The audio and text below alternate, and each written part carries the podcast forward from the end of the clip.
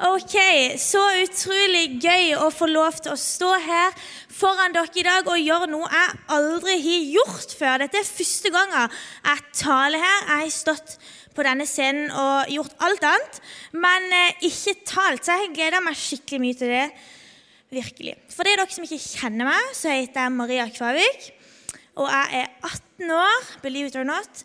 Eh, jeg går tredje klasse på KVS, eh, men jeg gjør noe jeg syns er litt gøyere enn det i tillegg. Og det er å få lov til å jobbe her som ungdomsarbeider. Det har jeg gjort i rett over et år. Og det syns jeg altså er så gøy. Det er det gøyeste jeg gjør. Eh, jeg syns virkelig at det er gøy å få lov til å stå her foran dere i dag. Jeg skal tale fjerde og siste del i taleserien 'Du har en plass'. Så dette har jeg gleda meg til kjempelenge. Og når vi sier lenge, så mener jeg ikke bare sånn ei uke eller to eller en måned eller fire. Men jeg har gleda meg til dette siden jeg var Kommer det opp, eller må jeg få hjelp? Jeg har trykka, men kanskje ikke. Ja, så gammel! Når jeg var så stor, så begynte jeg å se for meg at jeg skulle stå her oppe. Da var jeg ca. ti år. Dette er en snap jeg har sendt når jeg har vært på svømmestevne og fått en medalje. Men eh, i alle fall, da begynte jeg å ha tanke om at jeg skulle stå her. Og jeg liksom, siden den dag har jeg sett for meg at åh, det blir så kjekt når det endelig er min tur. Eh, I dag så skal jeg prate om ei dame som jeg har latt meg inspirere av. Hun heter Maria Magdalena. For det første er hun sykt fint navn, og for det andre så er hun kjempekul. Um, vi skal snakke litt om hvordan hun har funnet sin plass i Jesus. I Bibelen så leser vi i 2. Korinter eh, 5, 17. Derfor, om noen er i Kristus, da er han en ny skapning. Det gamle er forbi. Se, alt har blitt nytt. Mm så er det sånn at selv om jeg sa til dere at jeg gleder meg kjempelenge til å stå her oppe og prate, så har ikke veien alltid vært strak fram, rett fram opp på, på talerstolen. Virkelig snarere tvert imot. Når jeg fikk lov til å begynne på ungdomsskolen, noe jeg gleder meg veldig til, så opplevde jeg at eh, jeg fikk bytt blitt del av et nytt miljø. Et miljø som var mye større enn det jeg var vant til fra før. Jeg, eh, klassene ble jo blanda med masse andre skoler, og det var folk som liksom hadde erfaringer jeg ikke var vant til da, fra lille og barneskole, der alle kjente alle. Så for lille meg som trodde at alle trodde på Jesus, så var det noe helt nytt at ikke alle gjorde det. Eh, og jeg merka at jeg kom liksom eh, på tanker jeg aldri hadde tenkt på før, og jeg kjente på eh, ja, spørsmål om livet, om tro. Hvem er jeg, hva vil jeg være, som jeg ikke før hadde trengt å stille meg. Mye av dette var kanskje pga. miljøet var annerledes, men jeg tror òg at mye av det kom at jeg bare begynte å bli eldre og liksom forsto at verden er ikke bare over barneskole, men det fins mye mer. Så dette gjorde at jeg havna i en prosess der jeg kjente at jeg måtte begynne å tenke litt mer. og jeg kavde kanskje litt med liksom mange tanker som var ukjente for meg. da. Ikke sånn veldig dramatisk, men bare litt sånn åh, Hva sier Bibelen om disse tingene? Og hvem er jeg egentlig? Og hvor har jeg lyst til at andre skal eh, tenke om meg? Og hvem har jeg lyst til at eh, folk skal se meg for? Eh, så jeg måtte liksom ja, tenke litt på dette. Men så var jeg jo da kristen, vokste opp i kristen familie og hadde vært kristen hele livet mitt. Så jeg ønska jo at personen jeg var, skulle være ei jente som eh, det skinte gjennom. da. Men så var det litt eh, annerledes og kanskje litt vanskeligere enn jeg hadde trodd å la det skje i praksis. da. Så jeg ble testa på mye forskjellig og fikk spørsmål jeg aldri i mitt liv hadde tenkt jeg skulle få. Eh, og vokste mye på det, men akkurat når det skjedde, så var det ikke det letteste i verden. For hvem var jeg egentlig? Veldig mange av mine klassekamerater eller folk på trinnet de spilte fotball eller håndball eller hadde liksom store hobbyer som tok masse av tida deres. Mens jeg hadde liksom bare litt småhobbyer her og der som ikke egentlig tok så veldig mye tid. Og det var liksom ja, det var ikke så mer enn bare litt på sida. Mens jeg opplevde at vennene mine holdt så mye på med en ting at eh, du nesten kunne si sånn til dem hva heter du, så, eller hvem er du? Og så ville de sagt navnet sitt, og jeg er fotballspiller, f.eks. Det ble liksom den de var. De hadde noe å si. 'Dette er jeg.' Mens når folk spør meg 'Hvem er du?' stoppa det nesten på Maria, 13 år. Så det kjente jeg på at åh, hva skal jeg feste eh, hvem jeg er, på, da? Så for noen uker siden, når jeg eh, hadde begynt å tenke litt på den talen, så hørte jeg en lydbok. Jeg leser jo ikke for fem flate øre, så det er det nærmeste jeg kom med bok. Men da gikk jeg en tur og hørte på en lydbok. Det hadde ingenting med talen å gjøre, det var bare for kjekt. Eh, og bare for å ja, ha noe å holde på med. Og dette var da en bok som en influenser har skrevet, der vedkommende har skrevet en bok om seg sjøl og sitt liv. Personen skriver at eh, hun var kjent liksom, i miljøet sitt hjemme, på ungdomsskolen og rundt forbi, for å eh, spille fotball. Det var liksom sånn alle visste hvem hun var. Eh, og det var det hun tenkte sjøl. Jeg er en fotballspiller, og det skal jeg være hele livet mitt.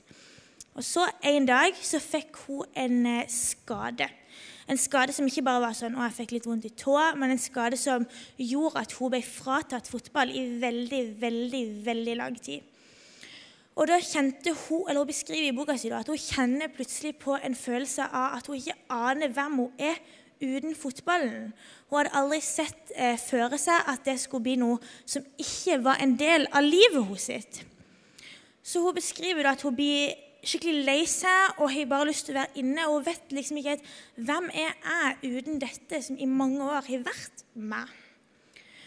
Og selv om mine erfaringer fra eh, ungdomsskolen ikke var så dramatiske som det, så minte det meg for det om litt på de tankene og følelsene jeg hadde hatt rundt dette på ungdomsskolen.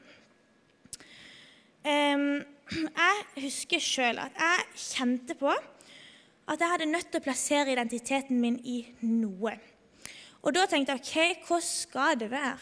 Så fant jeg ut at det eneste i livet mitt som er helt, helt, helt konstant, uavhengig av om jeg brekker fem bein eller ingen, eller om jeg er lei meg eller glad, det er Jesus.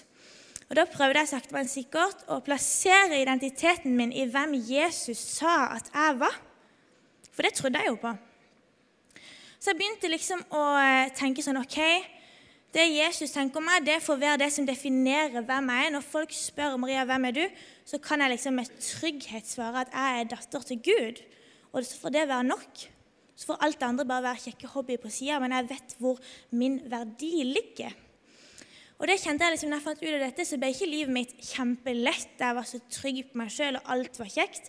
Men jeg kjente at jeg hadde et trygt fundament som jeg kunne lede meg på uansett hva som skjedde i livet mitt. Så kom det av og til usikre tanker, og det gjør det ennå.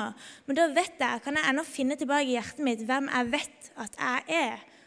Jeg vet at jeg har en plass hos Gud.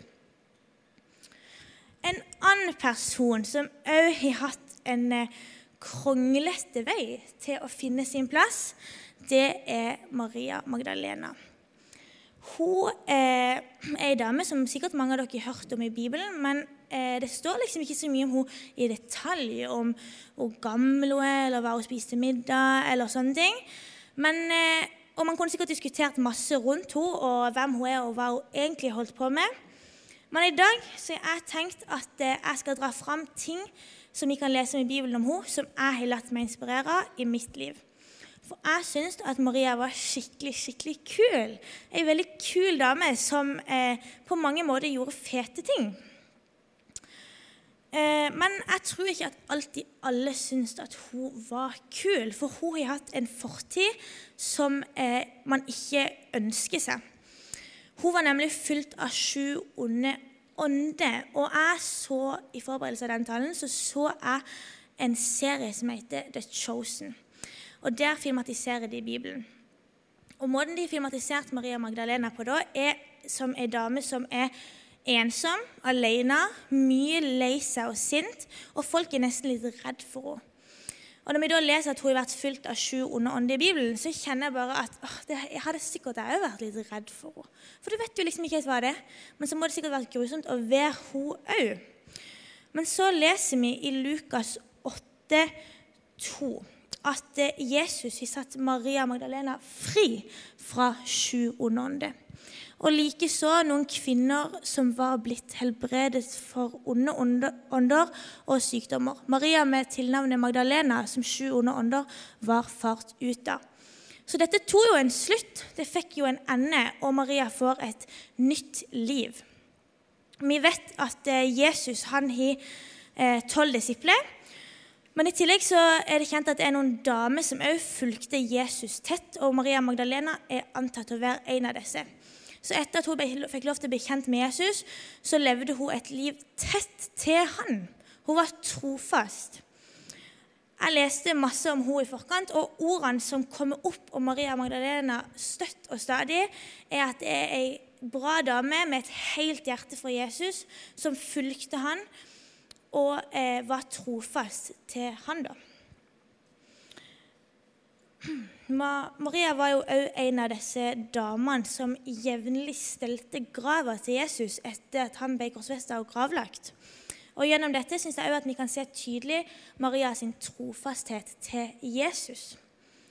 Selv om Maria hadde en eh, fortid som eh, ikke var noe å skryte av, så ser vi òg at Jesus viser henne nåde og bruker Maria. Han bruker henne til noe av det største jeg iallfall kan tenke meg at, å bli brukt til, selv om hun var ja, en synder og hadde gjort masse feil og levd et liv vi ikke tenker at er ideelt. da. Eh, i, ja, for Hun er nemlig den første som da får lov til å forkynne at hun har sett Jesus etter at han ble gravlagt. Og Det er jo en helt vill nyhet, tenker jeg. Og tenk da at eh, ja, hun som hadde levd dette her livet i mørket, eh, får lov til å se på Jesus og så bli brukt på den måten. Vi skal lese litt langt i Bibelen. Håper det går bra. Kom det opp? Ja.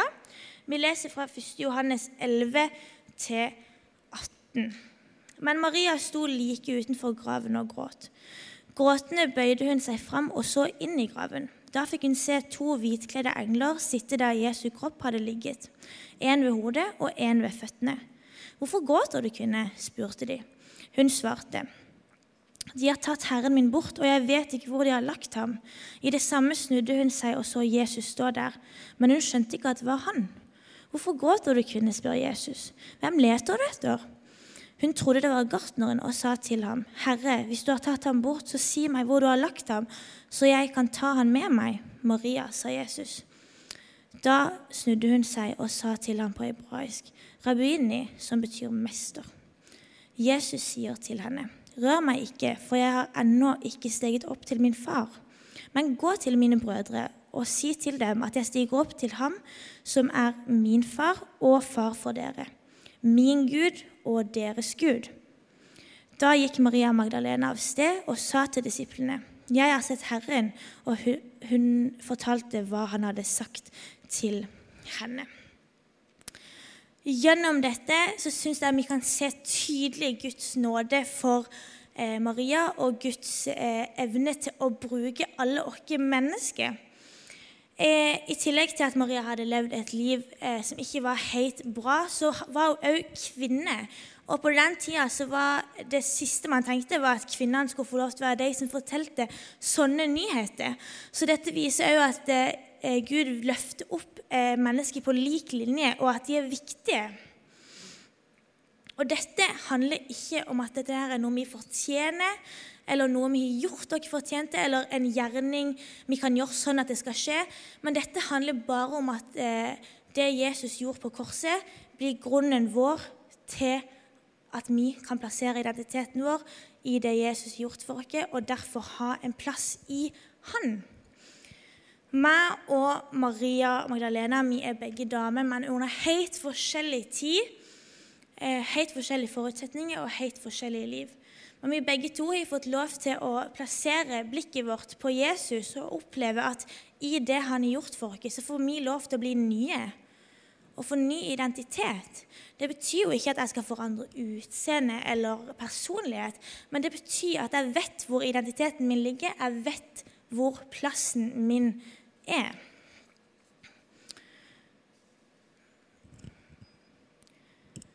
Jeg tror at du òg har en plass, på samme måte som meg og Maria. Guds nåde den er for alle oss, og pga. det Jesus gjorde på korset, så kan vi i dag få lov til å bli nye i det. Vi kan få lov til å feste blikket vårt på hvem Jesus er, og det han har gjort for oss. Og vi kan få lov til å hvile trygt i at vi er skapt av han med en hensikt. Ikke fordi at vi fortjener det, men fordi at han velgte å gjøre det i ren kjærlighet. Jeg tror òg at eh, når vi plasserer identiteten vår i Jesus og vet hvem vi er i Han, så tror jeg at det blir mye enklere å møte andre mennesker som kanskje ikke gjør det samme. Jeg tror Hvis du vet i hjertet ditt hva du står for og hvem du er, så tror jeg at møtet med omverdenen kommer til å bli mye enklere, og at det, du kan hvile trygt i at den største helten av alle er på ditt lag. Lovsangstimen kan få lov til å komme opp. Så hvis du i dag er her og kjenner at eh, jeg vet egentlig ikke helt hvem jeg er, eller hvem jeg vil være, og jeg vet ikke egentlig helt hvor jeg passer inn, så vil jeg at du skal vite, akkurat som meg og Maria Magdalena, at det er plass for deg eh, i Jesus. Du kan få lov til å plassere hvem du er i Han, og det Han sier om deg, og tenke at det er sannheten for ditt liv. Og da tror jeg at du, at du vil oppleve at eh, du har funnet din plass. Du trenger ikke ha en plass på et fotballag eller et håndballag eller, en, eller et lovsangsteam, men du kan få lov til å vite at din plass er i Jesus. Mm. Det vil bli eh, forbønn her nå, og lystenning vil skje der. Eh, så skal vi synge litt mer sammen. Men jeg har lyst til å avslutte med å be. Kjære Jesus, takk for eh, denne kvelden. Takk for at vi får lov til å komme og henge her sammen med deg og med hverandre, Jesus. Jeg bare virkelig ber om eh, at det skal bli en fin kveld. Jeg ber om at vi skal få lov til å kjenne at vi kan eh, hvile trygt i hva du sier om oss, og hvem du sier at vi er, Jesus. Takk for at jeg kan få lov, på lik linje med alle her inne, å plassere identiteten min i det du har gjort for meg, Jesus. På grunn av nåde så kan jeg stå her i dag. Ikke fordi at jeg har gjort meg fortjent til det, men fordi at det du gjorde på korset, det er nok for meg. Bare be Jesus om at alle her skal få lov til å erfare at det, det du har sagt om oss i Bibelen, det er det som stemmer, Jesus. Mm. Jesu navn. Amen.